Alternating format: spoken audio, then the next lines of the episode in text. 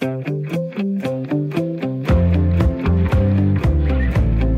lytter til Dagen i dag med Jørgen Koldbæk. Ja, så er tiden inde. Vi er klar med programmet, der som det eneste i Danmark præsenterer en top 10-liste over døgnets mest tankevækkende nyheder. Den top 10 sammensættes af dagens gæstevært. Det er Benno Blæsild, historiker og forfatter, med en fortid på Grønland, i den gamle by i Aarhus og på Fregatten Jylland, og i dag tilknyttet laurits.com. Velkommen, Benno. Tak skal du have. Og jeg, jeg glemte jo at sige her i starten, at du er også kendt som Danmarks førende juleekspert, og det er du fra din tid i den gamle by. Ja, nu er jeg jo nødt til at kalde mig juleinspektør emeritus, for de har jo en fungerende en dernede nu. Ja, ja. men øh, du har stadigvæk din dybe, dybe viden om julen. Hvad er det for en jul, vi er på vej ind i nu her? Det er jo øh, den seneste version af den gode gamle jul i de gode gamle dage. Øh, for øh, ligesom vi er moderne og øh, fremskridtsvenlige, verdens mest digitaliserede land Ja. i 51 uger, eller ej, i 11 måneder om året, mm. så vender vi totalt om og bliver dybt nos- nostalgiske og plader sentimentale og glemmer alt om sundhed og ernæring og jeg vil bare vent, også klimabæredygtighed Og ædruelighed. og ædruelighed lige præcis øh, omkring julen, fordi Ja. ja. den, øh, den, den, den er jo rimelig uforanderlig på sin egen foranderlige måde. Mm. Og er det ikke også det, den skal være? Skal det ikke være jul som i gamle dage? Jo, øh, jeg hørte jo Villerslev fra Nationalmuseet den anden dag, øh, så han er jo en meget øh, kompetent at, øh, antropolog også, og han, han snakkede om, at inden for antropologien, der opererer man jo med, at dynamiske systemer, de kan være dynamiske, mm. så længe der er et centrum, som hele dynamikken drejer rundt om, og det er jo egentlig, billedet er jo rigtig smukt, og det er Ja, også ja. naturligt nok, for hvis det der uforanderlige centrum ikke er der til at holde fast, så bliver der bare en eksplosion, og så går det hele til grunde. Ja. Og jeg vil jo våge den påstand, at øh, familiesociologisk, så er det, der holder vores dynamiske samfund sammen, det er, at julen den er i midten og forandrer sig ikke. Fantastisk, at vi har den på den måde. Dejligt, dejligt. Øh, oplever vi så julen på samme måde, øh, uanset hvor vi bor i Danmark, tror du? Ej, jeg tror, der er jo kæmpe forskel på julen i den grå hal, og så julen i Allingåbro, hvor jeg bor. Ja. Øh, der er, det er en tidsrejse på måske øh, 50 år, eller noget i den retning, man kan lave der. Ja. Hvem er længst fremme på tidslinjen? Jamen, det er den grå, grå hal jo nok, men øh, det kan også godt ske, at øh, Allingåbro har fat i den lange ende, så, så det, det, ja, ja. det, vil jo, det vil kun fremtiden Vil vise. du, vil du sige, at I er, nær, I er nærmere eller tættere på rødderne, der hvor du bor på Djursland? Ja, det er vi. Vi er helt tættere, tættere, på rødderne. Vi bor jo lige ned til åen, og der er masser af rødder helt ude i vandet, så det, ja. dem er vi meget tæt på. I kan se jeres julerødder der. Også det. Herligt, herligt. Benno, du skal jo ikke kun tale jul i dag. Du har påtaget dig den spændende opgave at lave en top 10-liste over dagens mest tankevækkende nyheder. Ikke nødvendigvis de vigtigste, men de mest tankevækkende. Og vi starter jo øh, vanen tro nedefra på listen, så jeg vil begynde med at spørge dig, hvad har du valgt til plads nummer 10? Jamen, der har jeg valgt en øh, fantastisk nyhed om en, øh, skal jeg se, om jeg kan finde den, om en 12-årig YouTuber, som rent faktisk er den mest, øh, den, den, den højst lønnede YouTuber i verden, og det er jo helt fantastisk. Ja. Han er kun 8 år gammel. Nej, Det er jo helt fantastisk. Verdens bedst betalte YouTube-stjerne er blot 8 år. Drengen hedder Ryan Kaiji og er fra Texas i USA. ja. Den unge mand, han tjente 26 millioner dollars, svarende til 174 millioner kroner, øh, viser den sidste offentliggjorte liste fra Forbes øh, over de bedst betalte YouTubere. Han behøver, han behøver ikke at få lommepenge, tror jeg, derhjemmefra. Nej, det er nok den anden vej rundt. Øh, men at man kan sige, at snak om heldige forældre, var. Ja, jamen, der er forældre, der har valgt deres barn med omhu her. Helt sikkert. Ja. ja. 8 år gammel og allerede en YouTuber, og det betyder jo, at han lægger videoer op af sig selv, går jeg ud fra, hvor han viser vel sit legetøj frem, eller sine sokker frem, eller hvad, eller hvad han nu gør. Jamen, som de siger, det er jo ren, det er jo ren og skær reklame. Det er reklame for, for, for en legetøjskollektion, og, Ja, ja. Øh, og hvad hedder det, øhm, og, og, og den slags. Og nu har han også fået sit eget tv-program, kan man se. Ja. Men han startede med at anmelde legetøj, og der må man jo sige, der har han jo selvfølgelig været ekspert. Selvfølgelig. Men ellers så vil jeg jo sige, at det tankevækkende, synes jeg jo er, at altså, for os, der måske øh, har et sundt armslængdeprincip til de fleste YouTube-kanaler, mm. der, der er det jo egentlig kun, hvad man kunne forvente, fordi at det gode og det dårlige ved, øh, ved moderne sociale medier, det er jo, at chefredaktøren mangler. Ja, der er ikke nogen, der blander sig. Der er ikke nogen, der blander sig. Du Der er lægger ikke- bare ud. Der er ikke nogen, der siger, hvad der er rigtigt, og hvad der er forkert, og hvad der er godt, og hvad der er skidt. Og så bliver det jo en Aladdins hule af overraskende ting, som man kan gå øh, på, på, på opdagelsesrejse i og blive øh, henrygt, øh, begejstret og hellig forarvet fra det ene øjeblik til det andet. Ja. Og det er, er, det er jo dejligt spontant, og det er, det er jo egentlig det, som er kendetegnet, synes jeg, ved den, den tid, vi lever i, mm. at vi, vi løber efter de spontane løsninger. De løsninger, der kan gøre, at vi mere og mere spontant kan træffe vores valg og leve vores liv, det er dem, der vinder. Mm-hmm. Så mindre omtanke, mindre fordybelse, og derfor selvfølgelig kan en 12-årig være med, og min, for, min forudsigelse er, at om fem år, så kan en 3-årig være med. Ja, ja, en treårig YouTuber, det vil være det næste hit. Ja. Hvorfor har du ikke en YouTube-kanal, hvor du fortæller alt det, du ved om historien, for eksempel? Det kunne du jo sagtens have. Jamen, det er jo ikke nok, men jeg kender jo Jack Fritjof, så jeg bruger bare hans, hvis jeg har brug for det. Altså, Ja, den gamle tv-mand Den fra gamle Aarhus. tv-mand fra Aarhus, som Ja, jo er et godt eksempel på, at alder er ingen hindring for at være med på det nyeste nye. Han er den værste tekniknørd, jeg kender, og øh, hvad hedder det, ham, der introducerede mig til YouTube. Mm-hmm. Det er rigtigt, som du siger, at øh, meget er spontant i dag, og uden de dybere øh, tanker eller eftertanker. Men øh, hvad synes du egentlig om den udvikling? Er det et gode, eller er det okay, eller det er faktisk en uheldig udvikling? Altså, jeg, det er jo ligegyldigt, hvad jeg mener, fordi det er jo flertallet, der har ret. Ja, men jeg spørger dig alligevel, hvad mener du? Ja, og, og, det, og det, jeg mener, det er, at som jeg ser det, mm. så, kan, så er det jo et spørgsmål om det. På et tidspunkt, så vil, øh, så vil lovgivningen komme efter det spontane og det vildt voksne. Mm. Så, vil der, så vil der være så mange uheldige eksempler på folk, der er kommet i klemme, Ja. er døde eller øh, på anden måde øh, er kommet til skade, så så vil der komme en lovgivning, som regulerer det. Vi kan jo allerede se nu, at øh, Facebook er så småt ved at komme i klemme, og før eller siden, så kommer det det jo også. Mm. Og, og, og så kommer den kedelige, regulerede verden jo også efter de sociale medier. Ja. Så på et tidspunkt holder det op. Vi skal nyde det, så længe det varer. Så længe vi, vi kan, så skal vi se de 5, 8, 3, 7, 9-årige have deres YouTube-kanaler og blive mange, mange millionærer. Fordi det, what you see is what you get, det er jo, på den måde er det jo rigtigt. Selvom Ja. det måske har en tendens til at være forsiden, og man ikke ser den, de, de mindre øh, øh, flatterende sider af, af, af tingene, så er det i det mindste, det er autentisk, og det er rigtigt. Og det er ikke så tit i historien, at vi har haft adgang til det. Spændende er det. Spændende ja. er det. Og en fin start på top 10-listen. Her på 10. pladsen fik vi historien om børnene, der har YouTube-succes. Ikke mindst i det store land, USA. Benno Blæsil, historiker og alt muligt andet historiefortæller. Hvad har du til os på 9. pladsen? Jamen, der har jeg den meget overraskende nyhed, at øh, Claus Riskær Petersens parti øh, skifter navn til borgerlisten. Det var da ærgerligt. Ja, øh, det, det, det er jo ikke nogen voldsomt overraskende ting. Øh, partiet, øh, Claus Riskær Petersen, er historie, i hvert fald under det navn. Nu Ja. ændrer partiet navn til borgerlisten. Det oplyser partiet i en pressemeddelelse fra partileder Claus Riskær Petersen. Mm. Jeg synes, det var så rart, at der var et parti, der havde partistifterens navn. Så var man jo ikke i tvivl om, hvad det gik ud på. Nej, det, det er rigtigt nok, og jeg er jo dybt forvirret, fordi det var jo virkelig et enevældigt parti. Altså selv Glistrup kunne ikke finde på det. Han, kan, han, det var det der, hvor man burde have forventet det i Danmarks historien, men selv han og Erhard Jacobsen valgte jo alligevel at få et navn til Ja, deres ja. ja. enmandsher. Deres fremskridtsparti og Centrumdemokraterne, ja. Lige præcis. Ja. Øh, og, og, og det er jo også sådan, kunne være, nyheden kunne jo være, at han på valgnatten øh, proklamerede, at nu er han færdig i politik, og at han ikke, man ikke vil se ham til næste valg. Ja. Og det har han jo så på elegant vis øh, fået ret i, i og med, at han har omdøbt øh, partiet til et andet navn. ja. Men, Men øh, det er rigtigt. Jeg husker jo også, at han stod frem bagefter og sagde, at nu var, det var, nu var løbet kørt. Det var forsøgt det med at, at, at starte et parti. Men han er så kommet på bedre tanker. Ja, og det, altså jeg synes jo på mange måder, det er jo det, der kendetegner intelligente mennesker, at selvom man måske nok når frem til en slutning, når man har tænkt over en ting i 10 minutter til to timer, så kan det godt ske, når man har tænkt over dem i et halvt år, så er man nået til en anden slutning.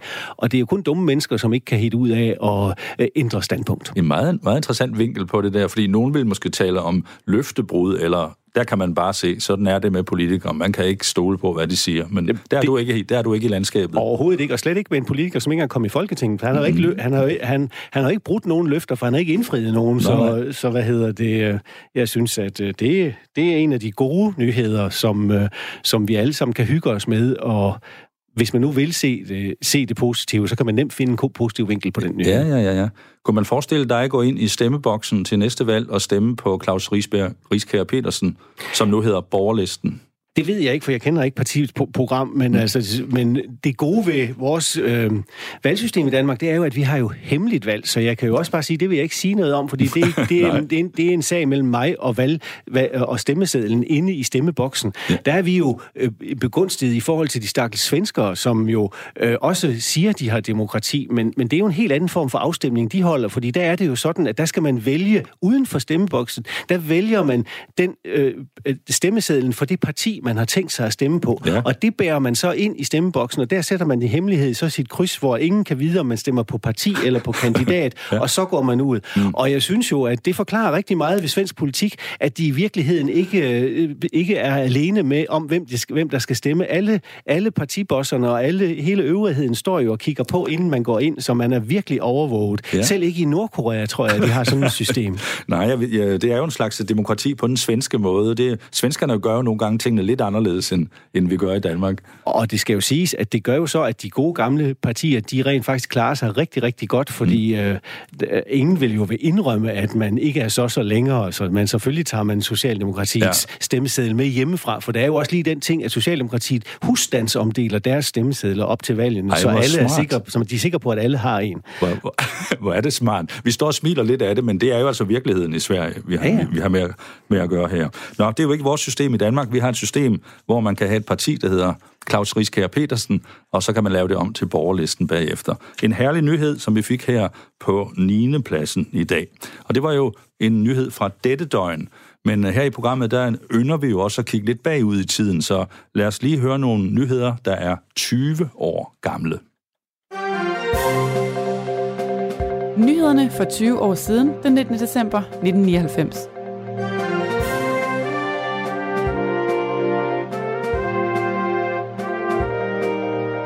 Store virksomheder som Novo, AP Møllers Rederier og Danfoss modtog efter krigen i al hemmelighed kendelser efter værnemagerlovene.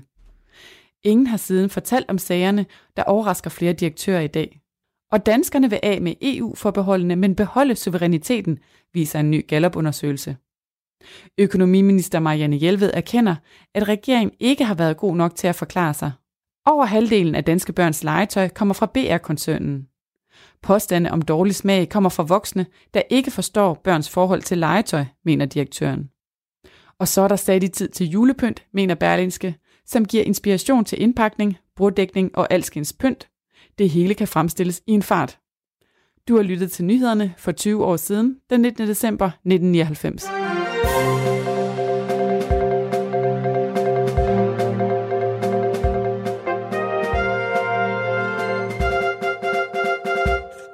interessante nyheder her, der var 20 år tilbage i tiden, så der var virkelig noget at, at lytte efter her. Jeg blev mærke i en nyhed, som øh, handler om, at BR, Fætter BR, på det tidspunkt leverer halvdelen af danskernes legetøj. Hvad siger du til det, Benno Blæsil? Historiker. Det er jo historisk stof, det her. Ja, det er jo godt nok historisk, at BR var simpelthen så store, så de var, de var jo nærmest på legetøjs på legetøjsbanen, der var de jo nærmest, hvad, øh, hvad Facebook er på, øh, på sociale medier ja, i dag ja. For, for 20 år siden.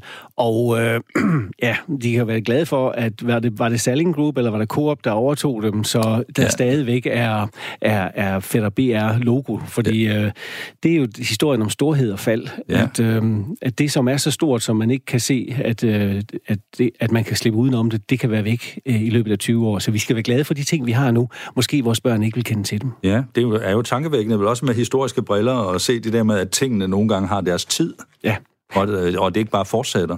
Det, det er jo det, som, som, som man jo øh, øh, også ser på inden for det med legetøj. Altså, fordi ingen kunne jo forestille sig, at for 20 år siden, at piger ikke ville lege med dukker, og drenge ikke ville lege med krigslegetøj. Nej. Og det var jo fordi, ingen kunne forudse udviklingen med, med, med, med, med hvad hedder det, med, med, inden for spilindustrien. Ja. Så, så al, hele legeaktiviteten er jo efterhånden flyttet over og blevet til en digital aktivitet, og mm. ikke, nogen, ikke en kropslig aktivitet. Og hvordan det vil udvikle sig over de næste 10 år, det kan man jo ikke rigtig sige noget om, men et eller andet vil der jo nok ske. Ja, det, det, det må jo være meget tankevækkende for legetøjsproducenterne at regne ud, hvad det er, der skal til. Altså, hvad med de fysiske ting? Hvad med Lego-klodserne, for eksempel? Præcis, og man synes da også, man kan se, at Lego jo er, er tidligt ude med at sikre sig, at de har andre platformer at stå på. De, har, de er jo netop har bevæget sig rundt om klodserne, selvom klodserne stadigvæk står i, i centrum. Ja. Øh, nu, nu taler man jo nogle gange om, at ingen kan, ingen kan spå om fremtiden. Kunne du have set dengang for 20 år siden, hvad der, hvad der ville være sket øh, frem mod tiden i dag? Tror du det? Kunne du have forudset, at alt det fysiske gradvist ville holde op, og børn ville holde op med at lege i vores forstand? Nej, det havde jeg ingen, ingen fornemmelse af. Det tror jeg ikke på, at jeg kunne, eller min samtidige. Men jeg kan huske, at jeg, jeg havde nemlig små børn dengang, og jeg kan huske, at jeg var lidt irriteret over, at at hvad hedder det, øh, udvalget af legetøj blev min, mere og mere standardiseret, så vi alle forældre stod i kø for at købe de samme 25 ting, øh, øh, ja. som nu passede til den aldersgruppe, og det var hammer irriterende. Så på en eller anden måde, så har de også sejret sig ihjel. Altså monopoldannelsen blev så stor, i hvert fald det et lille stammesamfund som det danske. Ja. Så øh, det, at man fandt en anden form for aktivitet, hvor børnene det kan være spontane og få hele kloden som, som legeplads, det er ja, klart, ja. at det ville vinde, når, når det opstod. Og de kan spille med øh, drenge og piger i andre verdener og så videre. Der, Præcis, der, der er sket ja. virkelig meget siden ja. dengang der. Så vi tager det ikke bare som et onde, at... Uh, at den øh, ændring er sket? Nej, bestemt ikke. Altså, jeg tror, at det må være mentalt sindssygt udviklende. Og mm, problemet er selvfølgelig på det så kropslige plan, om øh, de bliver ved med at holde sig i nogenlunde god form, men jeg har ikke hørt, at, øh, at det ikke skulle være tilfældet, så det er godt nok. Vi holder, vi holder øje med det. Vi holder øje med dem, ja. Benno Blæsild, vi skal videre på din top 10-liste, og du er faktisk nået helt til 8. pladsen, så du har stadigvæk nogle trin forude, men hvad finder vi på 8. pladsen? Jamen, på 8. pladsen, der finder vi jo det med de, øh, fan, øh, de, de fantastiske hulemalerier. Man har fundet 44.000 år gamle hulemalerier, som fortæller en historie. 44.000 år? Ja, surprise, surprise. Kan man sige, det er godt nok lang tid? Jo, det er det selvfølgelig, men øh, øh, for en... Øh, jeg har jo sådan en fortid som både arkeolog og kunsthistoriker. Ja. Og jeg synes egentlig, at det, det var da en længe ventet nyhed, fordi øh, øh, en af de ting, som, som, som karakteriserer billedkunst, eller nej, den anden vej rundt, det er en af de ting, der karakteriserer os homo sapiens sapiens, det er rent faktisk en det eneste, at det ene, at vi ikke kan overleve uden at varme vores mad op, det er der ingen andre dyr, der har det handicap. Nej, det skal vi have. Vi skal ja. have bare mad. Og det andet handicap, vi har, det er jo det, at vi ikke kan leve uden at meddele os visuelt. Mm-hmm. Altså, vi laver kunst. Det ja. er der ingen andre dyr, der gør. Måske neandertalerne, men de har nok også været tættere på os, end vi egentlig tror. Men altså noget af det, der konstituerer mennesker som mennesker, det er, at vi rent faktisk laver kunst. Ja. Vi har altid lavet du, vi har altid dutlet lige fra vi opstod simpelthen. Og øh, derfor så synes jeg jo egentlig ikke, at det er så overraskende, at man finder den her slags hulemalerier. Nej. Jeg skal så også sige, at den tredje faktor i det her, det er, at jeg går på jagt. Du går på jagt? Du ja, skyder levende dyr? Ja, mest i selvforsvar. Jeg skød en har i selvforsvar for, for et par år siden, men det kan vi fortælle om en anden gang. Den angreb dig, der var rasende. Nej, den var i hvert fald på vej lige imod mig. Ja. Øhm, men... Øh, men det, der ligger i det, det er jo, at jægerne er jo ikke blodtørstige øh, tåber. Man ved godt, at man har slået et andet dyr ihjel, ja. øh, og, øh, eller et andet levende væsen ihjel. Ja. Og, og, og derfor så, når man ikke har så meget andet at gå op i, når man ikke kan gå hjem og se øh, og, og på YouTube eller bare se fjernsyn, Nej. efter man har begået det drab, som er nødvendigt for, at man kan få kød på bordet, så bliver man nødt til at fundere over, hvad der egentlig er, der er sket. Og der har vi igen det der spørgsmål. Et, det er alt sammen et spørgsmål om ubalance, eller at, at opnå balance. Og når man har taget livet, så vil man jo gerne give det tilbage til det sted, hvor livet kom fra, så man kan få et nyt, når man har brug for det. Så det ligger jo i alle primitive folk, at de at de er klar over, at der sker, at der sker en form for gaveudveksling, at naturen eller omverdenen giver jægeren byttet, og Derfor så er det jo en god idé at få givet noget tilbage til naturen, så man kan få en ny gave, når man får brug for den. Og det er jo det, som vi mennesker har brugt kunst til, netop at få... Det, kunst er jo det ældste skriftsprog, vi har. Mm-hmm det er ikke særlig præcist, men det er enormt inspirerende. Ja. Så når man vil gerne har nogle tanker, som er så påtrængende, så man er nødt til at komme af med dem, så den bedste måde, man kan komme af med dem på, det er ved at give, lægge dem ned på et, på et blivende medium. Det er jo derfor, folk også stadigvæk, nogen skriver dagbog. Det er, ja, jo, nok, ja, ja, ja. For det er jo den bedste måde at læse af på, det er jo ved at få det skrevet ned. Ja. Og på samme måde, så kan kunstnere, de siger jo alle sammen, årsagen til, at de laver kunst, det er, fordi de ikke kan lade være. Og, og det er jo netop, det er måden, man kommer videre på. Og, øhm, Fantastisk. Og den har jo selvfølgelig været der altid, så derfor kan det ikke være overraskende, at lige så snart vi bliver i stand til at fatte vores egen dødelighed, så er vi også nødt til at lave billeder, for ellers så kunne vi ikke komme videre. Og det ved vi så nu, efter de nyeste fund fra Indonesien, at det begyndte man allerede med der på stedet for 44.000 år siden. Virkelig en tankevækkende nyhed, Benno, vi fik på bordet her på plads nummer 7. Det må jeg nok sige. Du lytter til Radio 4. Ja, vi er godt i gang med øh, dagens øh, top 10 liste, men indimellem så kigger vi jo også en øh, lille smule ind i fortiden. Og øh, det vil vi gøre nu. Vil vi lige høre nogle nyheder, som de foregik for 10 år siden. Nyhederne for 10 år siden, den 19. december 2009.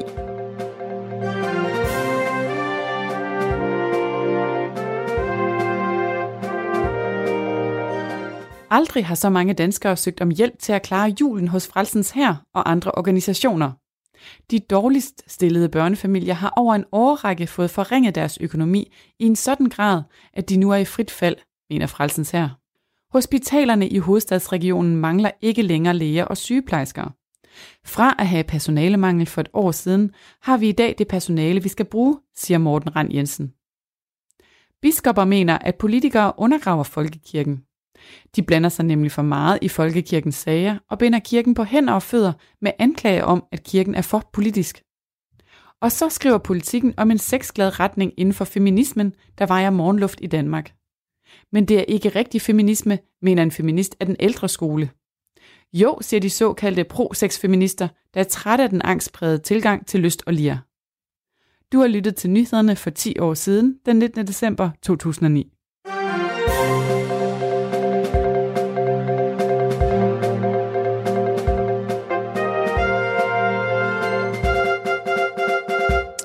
Ja, interessant nyt fra fortiden. Blandt andet en historie om pro-sex-feminister. Benno Blæsil, kan vi mene noget om det? Ja, ikke andet end, at det var, en, det var et godt eksempel på fake news, for de er jo fuldstændig væk igen, så hvad hedder det? Det, det, var, ikke, det var ikke holdbart, åbenbart. Det, det er ikke, noget, ikke, som ny, ikke på nyhedsfirmamentet i hvert fald. Det er ikke noget, vi har hørt meget til siden dengang.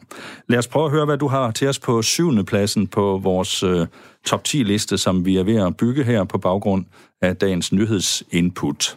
Ja, det er en nyhed om, at øh, psykologer ikke skal kunne have klienter, når de får frataget deres autorisation. Nej. Øh, det er Astrid Krav, vores øh, social- og indrigsminister, som øh, øh, fortæller, at øh, psykologer øh, ikke skal kunne have klienter, øh, fordi øh, ud, ud fra en sag, hvor en mandlig psykolog er, er, er dømt i landsretten for at have udnyttet sin position til at have sex med, sex med en af sine klienter. Okay. Og han praktiserede stadigvæk, mens øh, efterforskningen stod på. De stakkels klienter vidste bare ikke, at han havde mistet sin autorisation, for det behøver man åbenbart ikke at fortælle som psykolog. Meget interessant. Ja, det er også en træls sag, synes ja, jeg. jeg synes ikke, det er så festligt. Nej, det øhm, må man sige. Hvordan, hvordan skal vi forholde os til det med psykologer? Kan, kan alle enhver faktisk være psykolog? Skal man forstå det sådan? Jeg ved ikke om... Jeg tror, jeg tror, jeg tror ikke, at psykolog er en ubeskyttet stilling. Det skal man vist være kendt psyk for at kalde sig, men terapeut kan være jo kalde sig. Og, men, men, men jeg synes jo, at, øhm, at det, det er et godt eksempel på, at både psykologer og for den sags skyld også tandlæger og øh, øh, hvad hedder det, kiropraktorer og alle de her folk, som er på kanten af det, offici- af det offentlige sundhedsvæsen, de, sidder, de står jo i en anden situation i et land som vores, ja. hvor vi har gratis lægehjælp og et gratis sundhedssystem. I et liberalt samfund som øh, det amerikanske eller det engelske, der betaler man jo for de ydelser, ja, ja, man får. Og der vælger man jo, om man vil til en psykiater eller til en psykolog, alt efter hvad for en situation man står i. Men hos os i Danmark, der går man jo til lægen, hvis man fejler noget. Og derfor kan man jo også se, at det er der er jo rigtig mange problemer, som måske kunne løses med ved konsultationer i tide hos mm. en psykolog, som bare aldrig bliver løst, fordi man kommer jo ikke Nemlig. til psykolog, før man for alvor er syg og kommer ind omkring ens egen praktiserende læge. Og der synes jeg jo måske nok, at vi har brug for at have et lidt mere håndfast autorisationssystem, sådan at øh, man rent faktisk kan se, om dem, man søger hjælp hos, de rent faktisk også har rent med i posen. Jeg vil være helt enig. Helt enig. Jeg synes, det ville være dejligt, der hang sådan en lille skilt, når man kom ind øh, af døren hos psykologen, hvor der stod, jeg må godt. Ja, eller, ja og hos tandlægen lægen for den sags skyld. Ja, uha, uha, uha. Godt set, Benno. Godt set. Der fik vi en øh, syvende plads navlet til brættet, hvilket jo straks giver os anledning til at sige, hvad man vi så har på plads nummer 6. Er det en fugl? Er det et fly? Nej, det er Superman. ja. Det er Supermans kappe, der er solgt på auktion for et svimlende beløb. Øh, Og jeg tror op mod en million dollars eller noget i den retning. Nej. Øh, Jeg vidste, ikke, jeg vidste ikke engang, det var til salg. Jo, jo, jo. Og den har været på auktion i, øh, den har været på auktion i, øh, i USA, og øh, øh, lad os se, hvad den indbragte. Det kan jeg faktisk ikke engang se, men det var i hvert fald et kæmpe... Jeg tror, det var over en million, var det ikke det? Jo, det... Øh, Lad os bare sige... 1,3 millioner kroner Ja. for Superman-heltekappen, og så var det ikke engang den ægte. Var det ikke den kun, ægte? Nej, det var kun den fra den første Superman-film, eller den største Superman-film, den fra... Øh, den, Den fra 70'erne den måske? fra 70'erne, ja, lige Ja. præcis. Ja. Øh, som, som, hvad hedder det, som vi jo alle sammen husker som den rigtige dengang. Og det er jo det, der det er så sjovt med de her med film, fordi nu kan alting jo laves på computer. Ja. Men der i 70'erne, hvor man var nødt til at lave special effects på en eller anden rigtig måde, og så få det til at se ud som om, der er altså en eller anden form for fascination i det, som... øh, Altså stop motion, det kan jeg altså også godt stadigvæk... et billede øh, ad gangen. Et billede ad gangen, ja, Ja, lige ja. præcis. Det kan jeg altså også godt i svime over en gang imellem. Hvorimod, at øh, øh, da Star Wars først blev digitalt, så er det ligesom, nå ja, so what, det er jo bare en tegnefilm Ja, i ja. virkeligheden. Eller et computerspil. Eller et computerspil, lige Ja, præcis. ja, ja. Og øh, det, at, øh, det, at den indbringer et svimlende beløb, det kan jeg egentlig heller ikke rigtig overraskes over sådan rent professionelt, fordi øh, jeg kan jo se, at øh, selv øh, Dan Aykroyds heltedragt fra Ghostbusters 2, Åh, oh, den var fin. den indbragt 214.000 kroner. og øh, jeg vil sige, man skal jo være velpolstret for at kunne, for at kunne passe den. En fyldig herre. en fyldig herre, lige præcis. Ja. Men det er jo fordi, at vi må jo også huske på, at øh, auktionsbranchen, det handler jo ikke om kvalitet, det handler om efterspørgsel. Og, og Benno, der er du jo manden at, at spørge til råds, fordi øh, udover du er historiker, så arbejder du jo også i auktionsbranchen hos Laurits. Lige præcis. Ja. Og, og der må man sige, at, øh, at det, det, det, det var det, jeg skulle lære. At jeg kom med alle mine anekdoter og alle mit historiske syn, og det kunne jeg godt pakke væk, fordi at det er kunderne, der bestemmer. Ja. Ja. Hvis der er mange, der synes, at det her er spændende, så bliver prisen høj. Ja, ja, og du, øh, du ved jo meget om mange ting. Du ved noget om skagensmaleren, om Anna Anker og så får du nogle flotte ting af den type ind Ja, samtidig? der, der er Nordjylland et godt sted jo, fordi der er rent faktisk øh, rigtig mange, øh, rigtig mange skagensmalere, som stadigvæk hænger på væggene hos de familier, som i sin tid fik dem for, for at sidde model eller noget i den Nå, retning. Så, flot. Ja, så ja. jo, jo det, der, der, der må man sige, at, øh, at lige præcis på skagensmalerne, der er vi i Aalborg rigtig godt kørende. Ja, så samtidig kommer der øh, et lille bank på døren, og så kommer der en ældre dame ind med en lille ting, der er pakket ind i ja. karduspapir. Ja, altså den, den, den, den sødeste julehistorie, den som jeg gør meget kort, det var forrige jul, hvor der kom en 13-årig dreng sammen med sin storebror og sin far, og så med en sort sky over hovedet, Nej. fordi de havde haft pakkelej derhjemme. Og den nære i tante, hun havde været hen i genbrugsbutikken og købt det mindste mal- maleri, der var, men det var stadigvæk den største pakke i, øh, i hvad hedder det... Øh, øh, i, i, på bordet. Så den Ja, her ja. drengen jo selvfølgelig sikret sig, og da så har han pakket den ud, så er det bare et dumt billede. Ej, hvor ærgerligt. Ja, men det var så Torvald Læsø, der havde lavet den, så vi solgte det for 15.000 kroner, og så blev han glad igen. Der kan man se, at man skal være omhyggelig i pakkelej, ja. Ja. når man er med der. Men øh, sådan er det jo, I, I får overraskelser ind, ind ad døren der. Men tilbage til Supermans kappe. Det der med, med superheltene, har det en fremtid, tror du? Nu ja. ved jeg godt, du ikke er fremtidsforsker, men tror du virkelig, det fortsætter? Nej, jeg er fortidsforsker, og, Ja, det er og, det. og der kan man jo... Altså, fremtiden er jo bare et spejlbillede af fortiden. Øh, så, hvad hedder det? Det tror jeg bestemt, fordi i virkeligheden så er vi jo bare ved at opfinde et nyt øh, firmament af helte, som de, altså der er jo et fuldstændig parallel til de græske helte og guder, og så Ja, ja, det, hvad vi ser fra, fra Kalifornien, der kommer hele verden rundt øh, nu. Og det er jo også derfor, at superheltene, det er jo bare en genfortolkning af de gamle græske heltekvad, og alle de superhelte, vi ser, de har- jo på en eller anden måde en pendant tilbage i den enten den østerlandske øh, mytologi eller i den græske mytologi. Ja. Så det kommer vi til at se rigtig meget mere til, tror jeg. Også i takt med, at vi lægger fakta mere og mere på hylden i for, til fordel for, hvad vi føler for. Det glæder vi os til, Ben, og vi vil gerne se nogle flere, nogle flere super, superhelte. Lad os lige høre, hvad du har på femtepladsen. Det tager vi lige med her. Jamen, der har jeg jo så, at øh, øh, en, en lang række daginstitutioner har fået øh, dispensation for, for, og, for, for, for det der ghetto -halløjsa. Ja, det er, en, Hvad- det er en indviklet sag. Ja, det er så. Altså fra nytår må højst en tredjedel af de børn, der bliver optaget på i, i en daginstitution, komme fra udsatte boligområder. Ja. Det vedtog den forrige regering. Men øh, det er jo lidt svært at leve op til for en række storbykommuner, og derfor så er der jo så øh, en, øh, i, no, i november fik fire kommuner dispensation for kravene, og i, i går fik så yderligere fire kommuner dispensation, så de ikke behøver at leve op til de skærpede krav. Ja. Udover Aarhus fik København og Høje Tostrup og Kolding Kommune i går dispensation for reglerne.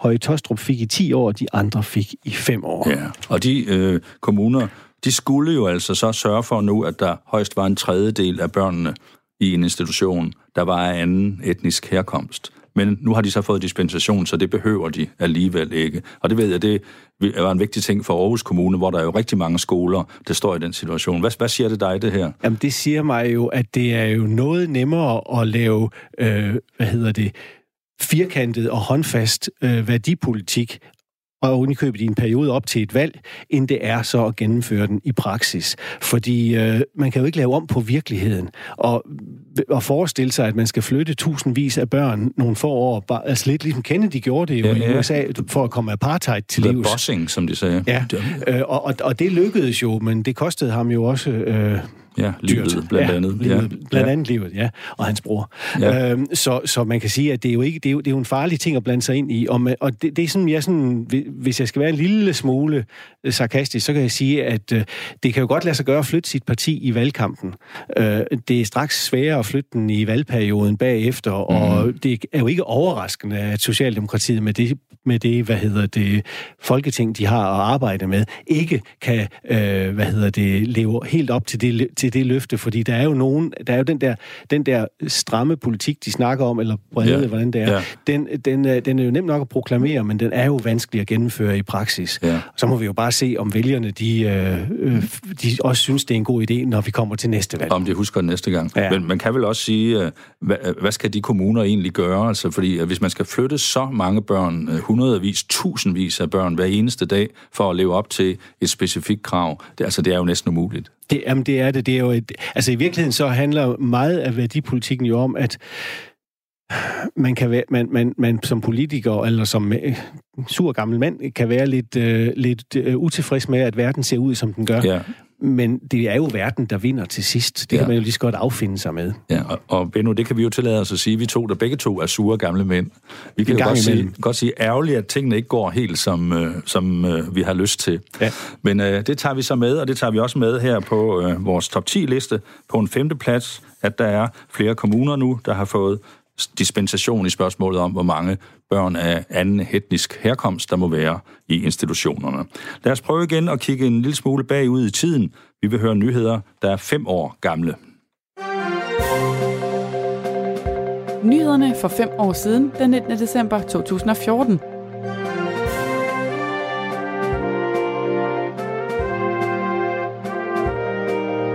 Danmark ryger ud af de rige landes klub. Syv års brændende økonomisk krise har sendt Danmark på den største rutsjetur i nyere tid.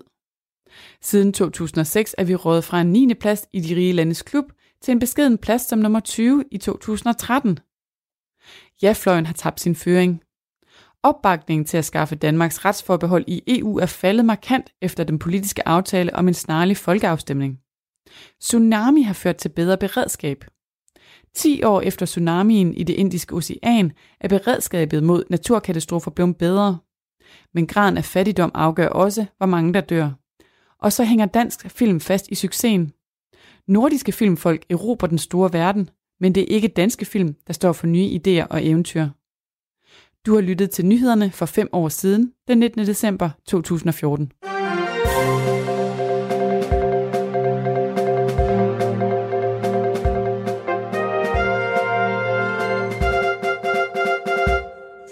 Ja, her hørte vi en uh, lidt uh, trist uh, økonomisk historie om, at Danmark rutsjede ned af rangstigen uh, fra en 9. plads til den, en 20. plads blandt de rigeste lande. Hvad siger vi til det? Jamen, øh, det, er jo, det er jo virkelig... Øh, jeg synes jo, man kan måle folks problemer, eller folks grad af lykke på de problemer, som virkelig er, er, er svære at leve med.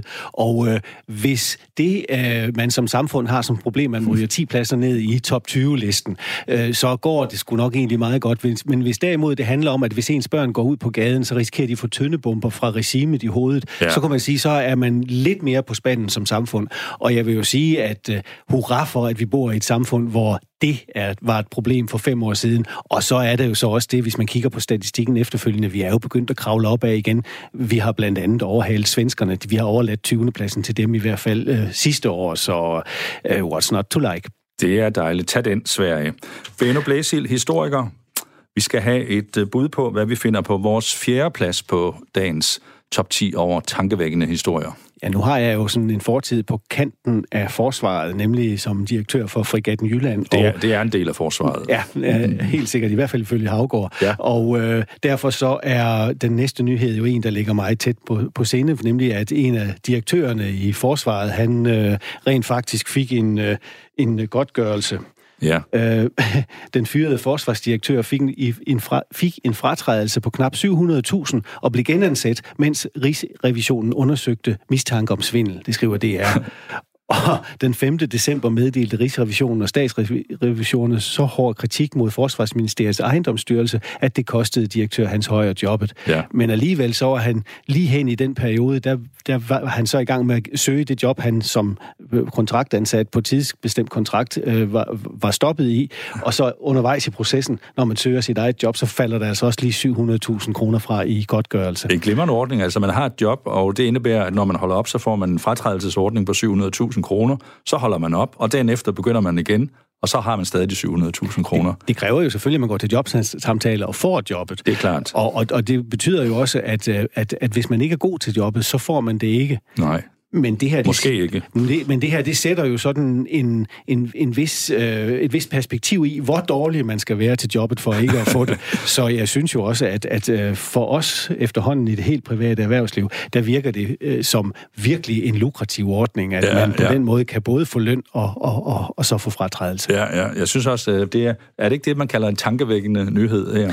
Jo, i hvert fald sådan, når man, når man nu snakker om, at så er der, hvad der ikke er penge til i det offentlige. Ja. Og øh, hvad hedder det? Nu hører jeg jo så til dem, der synes, at det er ingen grund til at ligefrem at tage pengene fra forsvaret. Dem skal vi så mænd desværre nok få brug for en mm. gang i fremtiden. Det viser mm. al historisk erfaring, at når man som nu har haft i fred i snart tre kvart århundrede, så bliver det jo nok ikke ved. Så, og det er jo netop, når øh, man har råd og tid, at man skal sikre sig evnen til at kunne forsvare sig, når ja. gang lokummet brænder. Så det er ikke, fordi jeg synes, jeg ikke under forsvaret pengene, men øh, der er måske ingen grund til at bruge den på på den slags. Man synes måske, at det er en lille bitte smule ekstravagant at sige, lad nu manden få sine 700.000 kroner, og så må vi se, om han skal fyres, eller hvad han skal være efter. Ja, det synes jeg egentlig også. Men det er altså igen, øh, man kan måle et lands lykke på, hvad for nogle problemer de egentlig har at gå op i. Skal vi ikke sige, at vi er ganske lykkelige i Danmark? Det er min konklusion. Du lytter til Dagen i dag med Jørgen Koldbæk. Ja, og ikke mindst med Benno Blæsil, historiker, forfatter, foredragsholder og og også en mand, der går op i, hvad man kan få for sine malerier på laurits.com. Benno, vi er kommet godt op ad listen. Ja. Vi vil faktisk så højt op, at man kan sige, at vi begynder at nærme os en tredje plads. Hvad har du udspekuleret og, øh, og øh, grundigt og øh, i øvrigt på alle måder genialt bestemt dig for, at vi skal have det her. Det er ikke så vildt genialt igen. Det er nærmest en fejl. Nej, det er det vel ikke. Øh, en regnefejl er det blevet kaldt af jer journalister. Mm. Øhm, og det er jo det, at øh, fødevare, det kommer frem nu, at fødevareminister Mogens Jensen har siden 29. august, en historisk dato i øvrigt, ja. øh, fra 2. verdenskrig. Jo, ja. øhm, Slut med samarbejdspolitikken. Lige præcis. Øh, men fra 29. august har han kendt den regnefejl, der betyder, at Danmark i årvis har undervurderet udledningen af drivhusgasser fra landbruget. Det ja. har noget at gøre med de her ingarealer, som viser sig at være næsten, eller, næsten dobbelt 40 procent større, end, end det man hidtil havde troet. Og det betyder jo, at deres klimaforhold, de også er 40 procent større for landbruget. Som ja, sådan. ja, det var jo ikke nogen decideret god nyhed. Nej, det var det selvfølgelig ikke, men jeg synes jo, det er vinklingen, jeg, jeg ligesom falder over, fordi jeg har så også øh, øh, hørt et interview med den øh, i øvrigt øh, ret slukørede institutbestyrer ude fra, ude fra, ude fra Skyby, fra, fra, fra Aarhus Universitet ude i Skyby, som jo som fortalte om det. Og det, der jo ligger, ligger til grund for det, er, at siden man opgjorde øh, det her areal med øh, lavt liggende ingearealer, ja, ja. der har vi fået et nyt kort over jordbundsforhold i Danmark. Aha. Og når man læser det, så kan man se, at ud fra at det, man, den, den, den mængde, eller det areal, man havde fået fra de gamle kort og de gamle tilgængelige informationer, Det er ikke rigtigt. Det er faktisk dobbelt så stort, det område, fordi det er jo mere, det er blevet mere detaljeret, og det ved man godt, så bliver, så bliver ja, linjerne får, også... Man får hjørnerne med. Man får hjørnerne med, lige ja, præcis. Ja. Og det er der jo egentlig ikke noget odiøst i. Det er bare et spørgsmål om, at nu er vi blevet klogere. Og det har de opdaget inde ved, inde ved øh, øh, jeg tror det var inde ved landbrugsorganisationerne et eller andet sted, de havde opdaget det. Og så har så er Aarhus Universitet jo så gået i gang med at beregne, hvad betyder det. Og når man når så frem til, at det betyder rent faktisk, at klimaregnskabet ser en smule mere belastet ud, eller noget mere belastet mm-hmm. ud, end vi hidtil har troet. Og altså, så er det jo typisk, at så for at få en skandale ud af det, så laver man, at sætter man det op som en regnefejl, fordi nu har man jo lige hængt øh, Aarhus Universitets Skype-afdeling ud en gang, og så ja. kan man hænge dem ud en gang til. Og øh, så kan man sikkert få en eller anden professor emeritus fra Københavns Universitet, det har gjort man sidst, til at fortælle, hvor, hvor, hvor forfærdeligt det er. Men man kunne jo også vende det om og så sige, at øh, Aarhus Universitet er jo landets største universitet.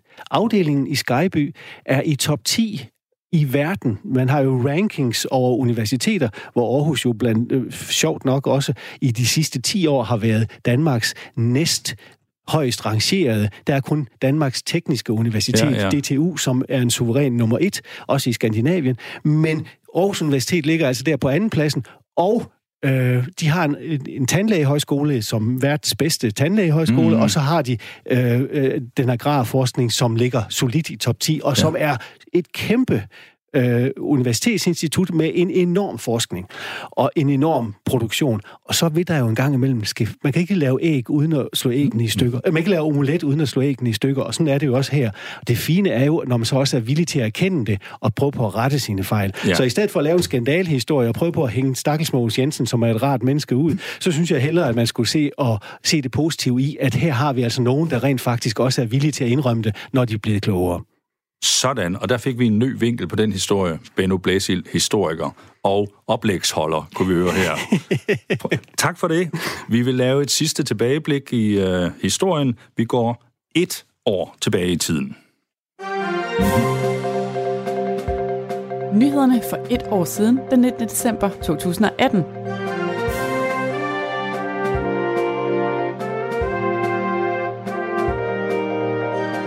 Forskere oplever pres og trusler.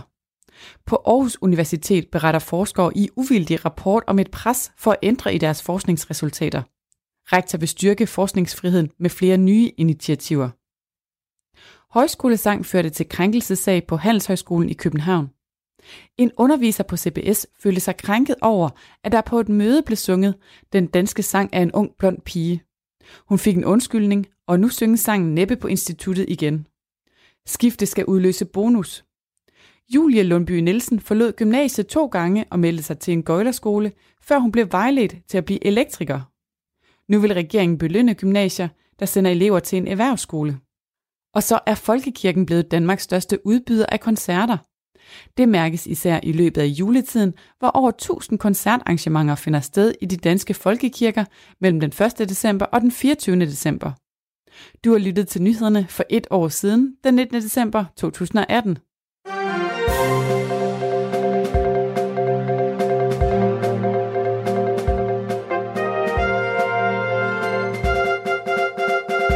Ja, her var der da virkelig guf. Øh, jeg kan ikke lade være med at hæfte mig ved historien der om CBS i København, handelsskolen, hvor man formaster sig til at synge Den danske sang er en ung blond pige. Ja. Hvilket jo viser sig at være stærkt krænkende adfærd over for de studerende, der ikke var unge blonde piger. Ja, hvor, det... er vi henne? hvor er vi henne?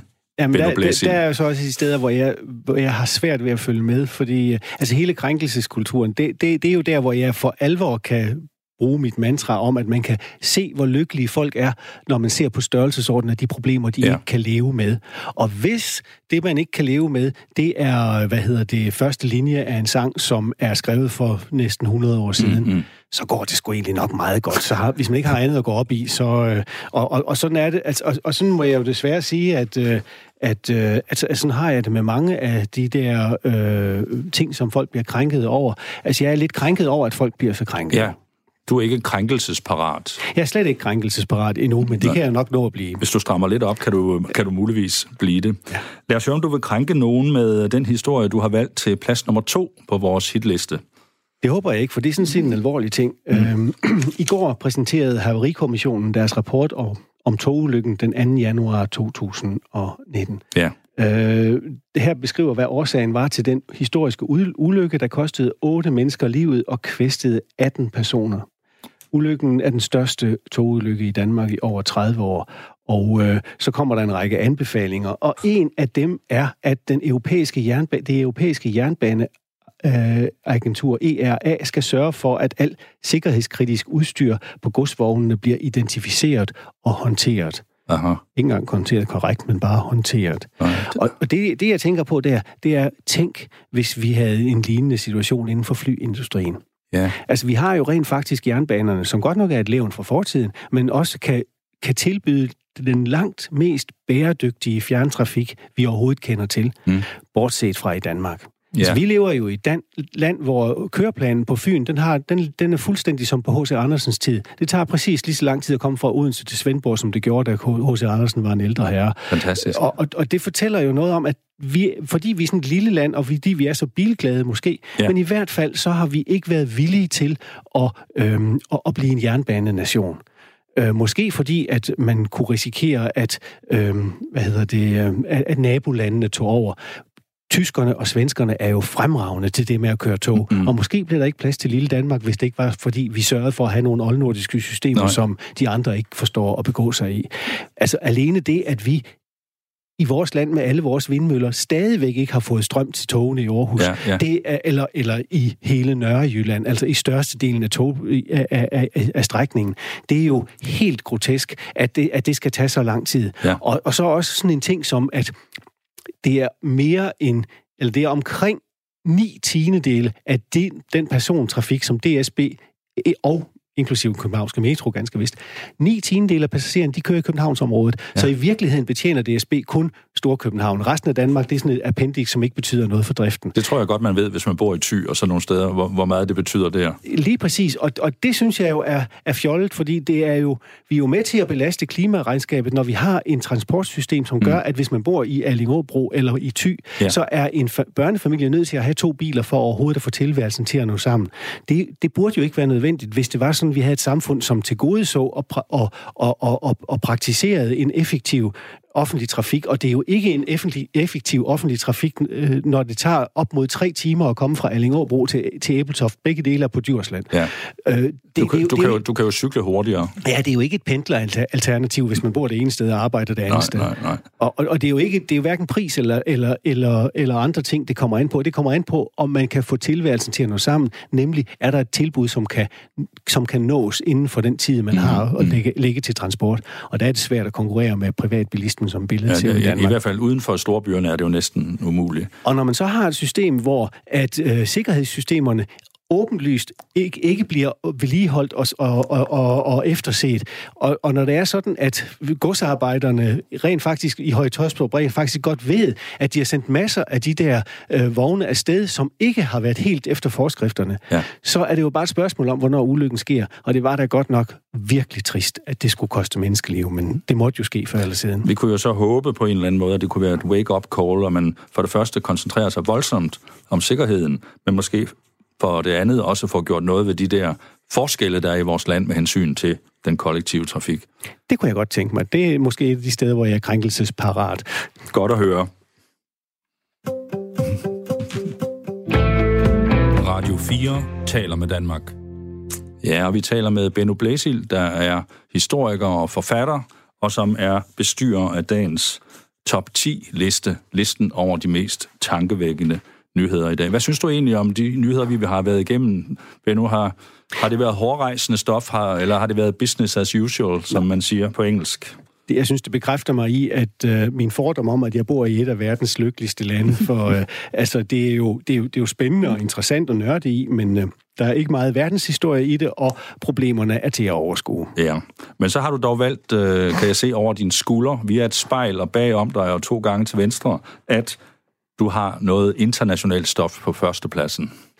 Ja, der, det, der er jo en verdenshistorisk begivenhed, som finder sted i de her døgn, vi er lige i øjeblikket. Og det er, at for tredje gang i øh, verdenshistorien, så skal en amer- siddende amerikansk præsident øh, for, for rigsretten. Ja. Og nu er en rigsret i, i, i USA jo ikke det samme, som det ville, det ville være i Danmark. Men øh, i og med, at man på over 200 år kun når øh, at gøre det tre gange, så viser det, at det her det er en af de virkelig sjældne ting, der sker her. Ja. Mr. Trump. Ja, som, fordi, hvad hedder det, han er jo, som vi efterhånden alle sammen ved, så går øh, anklagen på, at Trump brugte sit embede til at presse U- Ukraines regering, mens øh, for, øh, den sidste øh, del går på, at han øh, hindrede k- kongressen i at lade retfærdigheden skal fyldes. Ja, ja. Vi ved, at han, øh, han øh, pressede den øh, ukrainske præsident og sagde til ham, du får ingen penge til militær udstyr, hvis ikke du lige sørger for at finde noget snavs på min konkurrent, Mr. Joe Biden. Og hans søn, ja. Sådan lyder anklagen i hvert Ja, fald. sådan lyder, ja. Ja. Og så derudover siger man så, så har han nægtet at lade nogle øh, nøglepersoner øh, møde frem og afgive deres forklaring om, hvad der egentlig skete. Ja. Så der er to sider af sagen der. Og begge dele er jo, passer jo meget godt til, vor, til vores europæiske billede af Trump. Øh, men der må jo være mere til billedet, siden at han bliver ved med at holde sig godt fast i sine kernevælgere. Ja. Altså, verden er jo ikke fyldt med idioter. Den er fyldt med tænkende mennesker. Så, øh, så når han nu stadigvæk står så stærkt, øh, som han rent faktisk gør, han, han er nærmest blevet lidt styrket af det, så, øh, så ser vi nok øh, kun en side af helheden. Og jeg, jeg, jeg, jeg ved det jo ikke, jeg er jo ikke amerikaner, så jeg kan jo ikke sige, hvad det, hvad, hvad, hvad det er, de gør, men øh, jeg, jeg vil bare sige, at øh, jeg husker, vi sad derhjemme, hvor min gymnasie-teenager, de var jo helt oppe i det røde felt i valgkampen dengang, over den store idiot, som havde fået lov til at stille op. Det var simpelthen bare grotesk, for ja, der var ja. ikke noget valg, når den ene var sådan en super tåbe. Og jeg kan huske, at jeg sagde, jamen, det, det ender sgu nok med, at han bliver valgt. Og det, jeg sagde det sådan halvvejs i spøj, men også lidt fordi, at det, man mindst venter, det er altid det, der sker. Mm. Og han blev jo rent faktisk valgt. Og, og jeg, kan, jeg har ikke den forklaring på, hvorfor, men hvad nu hvis, siger historikeren, hvad nu hvis, at han ikke er en, øh, et, et, et, et, et, øh, et parentes? Hvis, hvad, nu, hvad nu hvis han ikke er undtagelsen?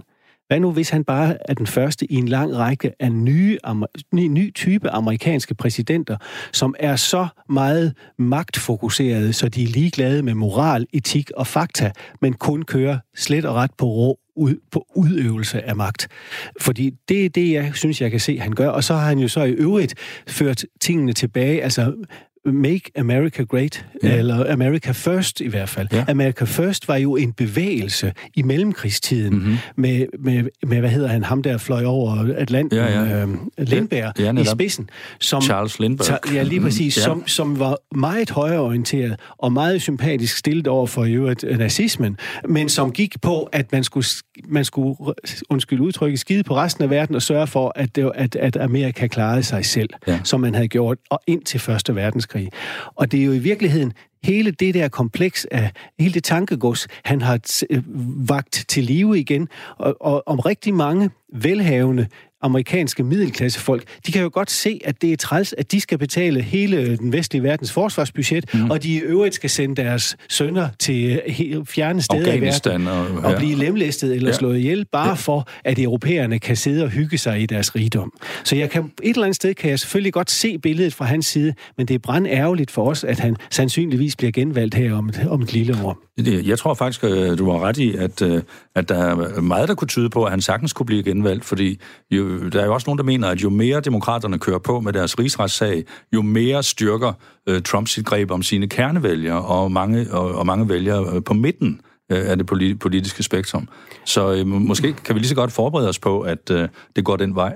Ja, og, og det er rigtig dårligt nyt for europæiske velfærdssamfund, fordi øh, det, som han blandt andet har set sig sur på, det er, at vi bruger pengene på skoler og på socialhjælp og på at holde rumpen oppe på indvandrere fra fremmede lande, i stedet for mm. at bruge, øh, i stedet for at betale vores bidrag til NATO. Ja. Og samtidig med det, så har han jo også fundet altså fuldstændig gammeldags magtpolitik, at hvis man kan øh, dele verden mellem Kina, Rusland og, og, og USA, og så på europæernes bekostning, så er der rigtig meget velstand til amerikanerne i det spil. Så jeg tror da egentlig, at øh, vi bliver nødt til at forholde os til ham som noget, vi kan risikere at se mere af i fremtiden. Mm.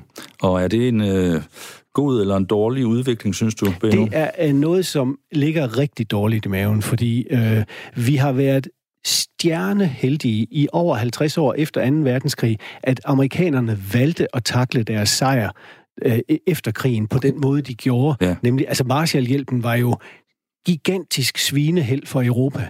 Og øh, nogle gange, når man er så heldig i så lang tid, så tror man, så glemmer man, at det er held, og så tror man, det er noget, man har gjort sig fortjent til. Og i virkeligheden har Europa jo gjort, hvad de kunne for at komme på øh, øh, øh i, i vanskeligheder, men de har haft onkel Sam til at redde det. Og nu kan det godt ske, at den epoke er ved at være slut. Uh, da, siger vi bare. Benno, du er en øh, skarp jagttager og en øh, dygtig historiker. Har du lidt julesind tilbage? Bare på 5 sekunder kan du alligevel sige, at vi får en glædelig jul. Vi får helt sikkert en god og glædelig jul. Og øh, så skal vi huske, som, som, at selvom alting nu skal være bæredygtigt, det er en god idé at være bæredygtig og miljøbevidst i 51 uger om året. Men lige i juleugen, der kan vi godt gøre, som vi plejer. Det bliver de sidste kloge ord i dette program. Vi siger tusind tak til Benno Blæsil, der kom ind og lavede vores top 10-liste. Programmet var produceret af Paseo for Radio 4. Og mit navn er Jørgen Koldbæk. Jeg siger tak for i dag. Vi er tilbage igen på mandag kl. 17.05, og om et ganske kort øjeblik, nemlig om to sekunder, er der nyheder.